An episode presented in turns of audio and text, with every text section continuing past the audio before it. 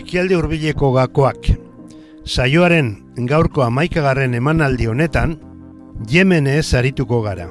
Lehenik aurrekari historikoa pikin bat azalduz, eta ondoren Arabiar udaberrien testu ingurua, eta Yemeneko transizio prozesuaren porrota aztertuz.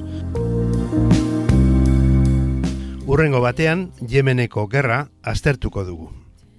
Gaurko Yemeneko estatua mila bederatzireun da marrean sortu zen. Bi estaturen bat egitetik. Egoaldeko Yemeneko Republika Demokratiko herritarra alde batetik eta iparraldeko Yemeneko Errepublika Arabiarra bestetik. Bi estatu hauek prozesu historiko desberdinak izan dituzte. Iparraldeko Yemenen historian, amar mende baino gehiagotan ezagutzen da zaiditen presentzia, hau da txiiten aldaera bat eta estatu gisa mi, e, mila bederatzirunda emeretzian independentzia lortu, lortzen du otomandar imperioarekiko. Mila bederatzirunda irurogeita bian, Naserren garaiko panarabiar, abertzale, antimonarkiko eta antifeudal mugimenduen babesean, errepublika gisa aldarrikatuko dute. Baina estatu batuek, Saudi Arabiak, erresuma batuak eta persiako sak mercenarioak bidaltzen dituzte, lehengo erregimen feudaleko indar atzerakoiei laguntza ematera eta errepublika sendotzea galeraztera. Konfrontazioa, gerra gogor bihurtzen da, milaka biktimekin eta mila beratzireunda irurogeita bitik, mila beratzireunda irurogeita marrera irauten du. Azkenean, gobernu errepublikarra etzen garaitua izan, baina ahuldua bukatu zuen. Etzen izango gai, estatua erabat demokratizatzeko ez eta iraultza kultural bat aurrera emateko edo industrializatzeko. Iparaldeko Yemen estatu feudal gisa geratuko da eta errepublika iraultzak ezin izango du garapena lortu. Egoaldeko Yemenek prozesu ezberdina izango du. Emeretzikarren mendean, Britainiarrek kolonizatua izango da frantsesen eta errusiarren edapena geldiarazteko. Frantsesak Djiboutiaz jabetu dira jada eta errusiarrak erdiko Asian zabaltzen ari dira. Gune estrategiko batzuren konkistaren partea da. Afrikako adarra eta Hormuzeko itsasartearen inguruan eta Indiarako bidean daudenak. Egoaldeko Yemen izango denaren gune nagusia Adeneko portu iria izango da. Britainiar imperioak eraikia eta beronentzat oso garrantzitsua izango dena. Bestalde, erresuma batuarentzat indiar kolonian arriskutsuak diren personak, abertzaleak eta komunistak, adenera bidaliak dira erbesteratuak. Honela, aden ideia progresisten gune zabaltzaile bihurtuko da Arabiar munduan eta Afrikako adarrean ere. Hiri honetatik mugimendu independentista, antikolonial eta marxista zabaldu eta ida indartu egingo da. Gerrilla borrokaren bidez, Britainiarrak mila bederatzireunda irurogeita zazpian botatzea lortu eta Yemeneko Errepublika Demokratiko Herritarra sortu arte. Yemeneko Partidu Sozialistak gobernatua izango da Yemen egoaldea. Partidu honek adeneko presoengandik jasotako sektore progresista ezberdinez osaturiko koalizioa izango da. Komunistak, independentistak, liberalak eta siriarekin edo irakekin lerroturiko basistak daude tardean. Egoaldeko Yemen inguruko estatu arabiar progresistena izango da eta urte honenak ezagutuko ditu nekazal erreformak, sexu berdintasuna, kulturaren zabalkundea, ekonomia eta sozial neurri progresistak eta talde iraultzailekiko solidaritatea bultatuz. Baina ez dute lortuko herria industrializatzea. Komunistek partidua bideratu eta halako koesioa lortzen dute bertan, baina egoera koreapilatzu bati aurre egin behar izan zaion bakoitzean, kontraesanek estanda egiten dute korronte ezberdinen artean. Proletargo pisudun baten faltak eragina handia izango du prozesu honetan. Kontra esan hauek, barne borroka nahiko gogorretara eramango dute eta partidua haultzera. Auldade honek eta agian hegoaldeko Yemenen euskarria izandakoaren Sovietar Errepublika Sozialisten batasunaren erortzeko beldurrak, Samir Aminen eritziz, buru hiltzea edo suizidioa izango zenera eraman zuen. Hau da, mila bederatzireunda irugaita mazortziz geroztik boterean zegoen saleren iparaldeko jemen tribalarekin batzera. Zentzu horretan adierazten da salen alzaidek, mila beratzireunda larogeita amarreko batze aurretik, egoaldeko jemeneko azken lehendakari, eta gero, baturiko jemeneko lehendakari ordea izan zenak. Esan zuena zen, salekek ez zituela bete bateratzea akordioak.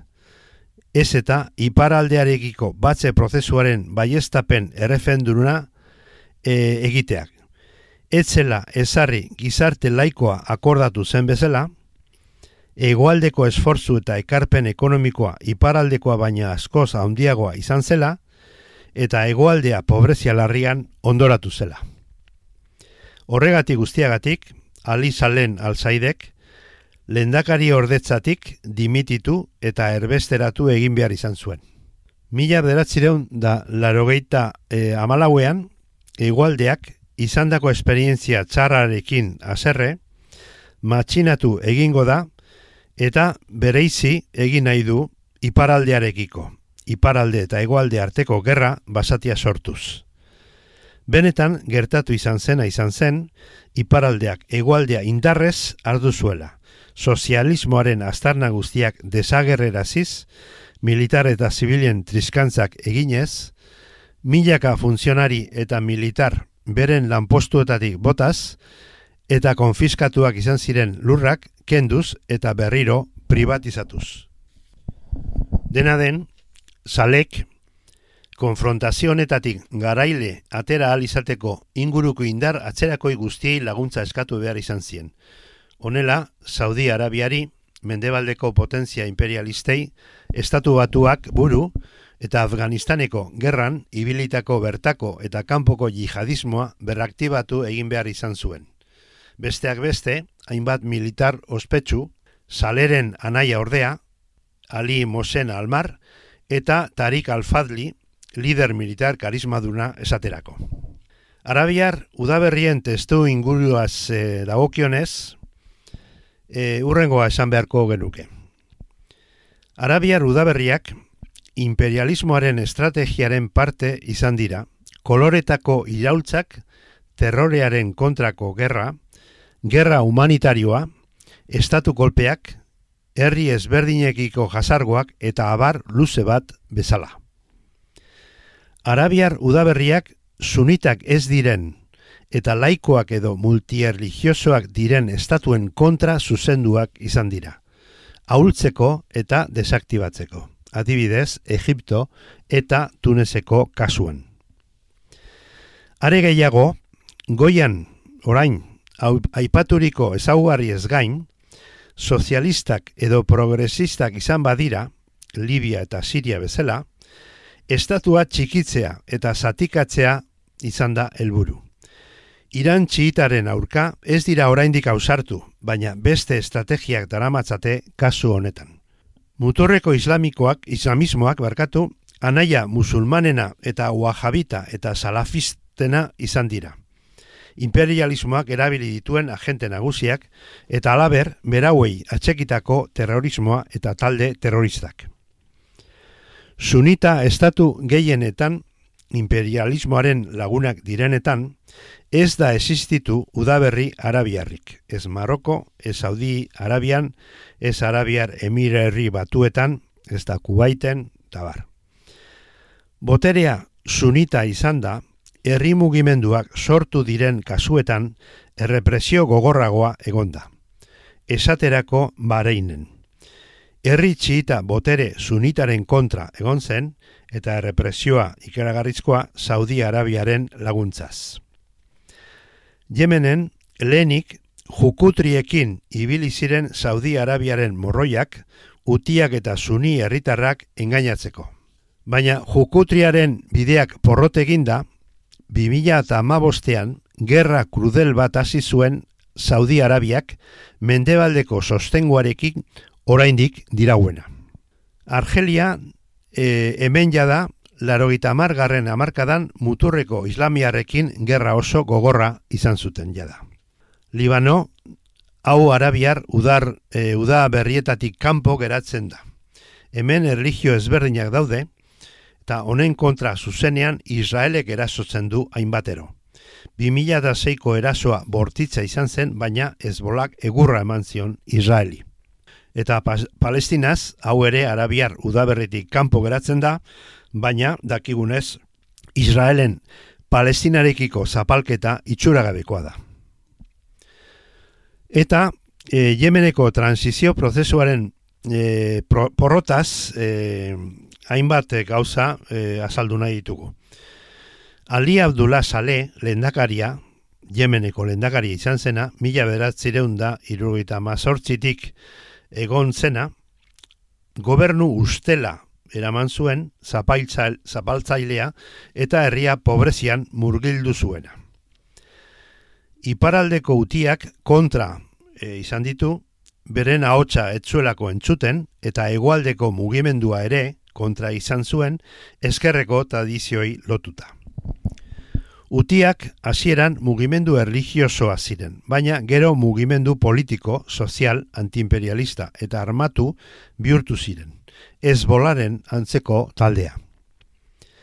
Iparaldeko utiak, zein egoaldeko indar demokratikoak batu egin ziren burgesia eta ejerzituaren sektore batzuk ere parte hartuz, saleren dimisioa eskatuz. Manifestapen oso handiak egon ziren, baina errepresioa ere alakoa izan zen. Azkenik, bere jarraitzaileek, saleren jarraitzaileek ere presionata, dimititu egin zuen 2000 eta amabiko otxailean. Baina, dimisiorako baldintza bat jarri zuen, eta zen immunitatea gordetzea eta transizio prozesua kontrolatua izatea, eta hori bete egin zuten.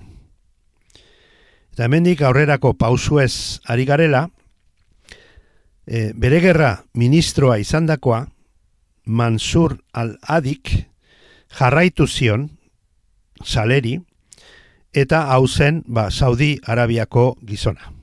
Prozesu konstituzio gilea bideratzeko Elkarrizketa Nazionaleko konferentzia antolatu zuen adi honek, indar politiko ezberdinen artean, baina etzen ezertara heldu. Gero, behatzez, zahatzez, izendaturiko batzordea sortu zen, erregio batzordea izenekoa, lendakaria adi bera zelarik. Yemen nola banatu erregiotan zen hauzirik zaienetakoa. Eta sei erregiotan banatzea propota, proposatu zuten, baina etzegoen inoradoz. Baliabiden banaketa txarra egiten baitzen horrekin, banaketa honekin. Utiek 2000 eta malauko irailean sanako hiriburua hartu zuten adiri eskatuz, demokratizazioa, konstituzio proiektu aldatzea, eta Yemen bi erregiotan banatzea eta ez zeitan, iparaldean eta egualdean. Adi, egoz, ados, barkatu, egon zen, eta bake eta adizkidetze akordioa sinatu zuen.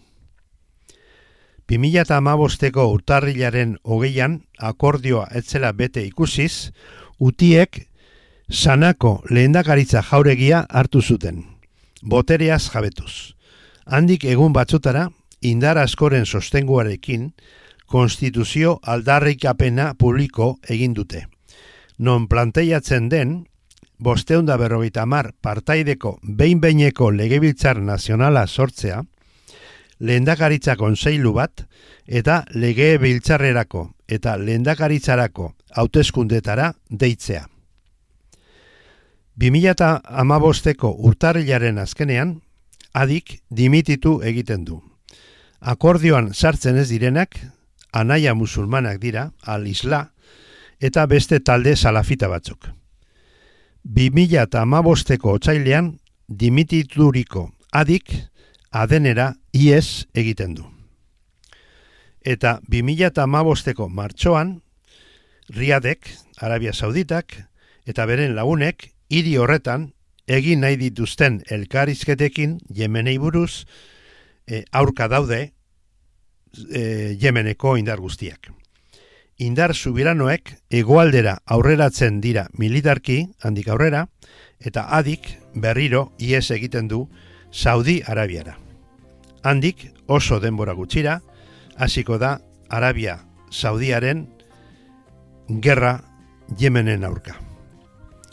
Bueno, hemen usten dugu gaurkoz eta aurrengo batean ikusi dugu, ikusiko dugu Yemenen aurkako gerra.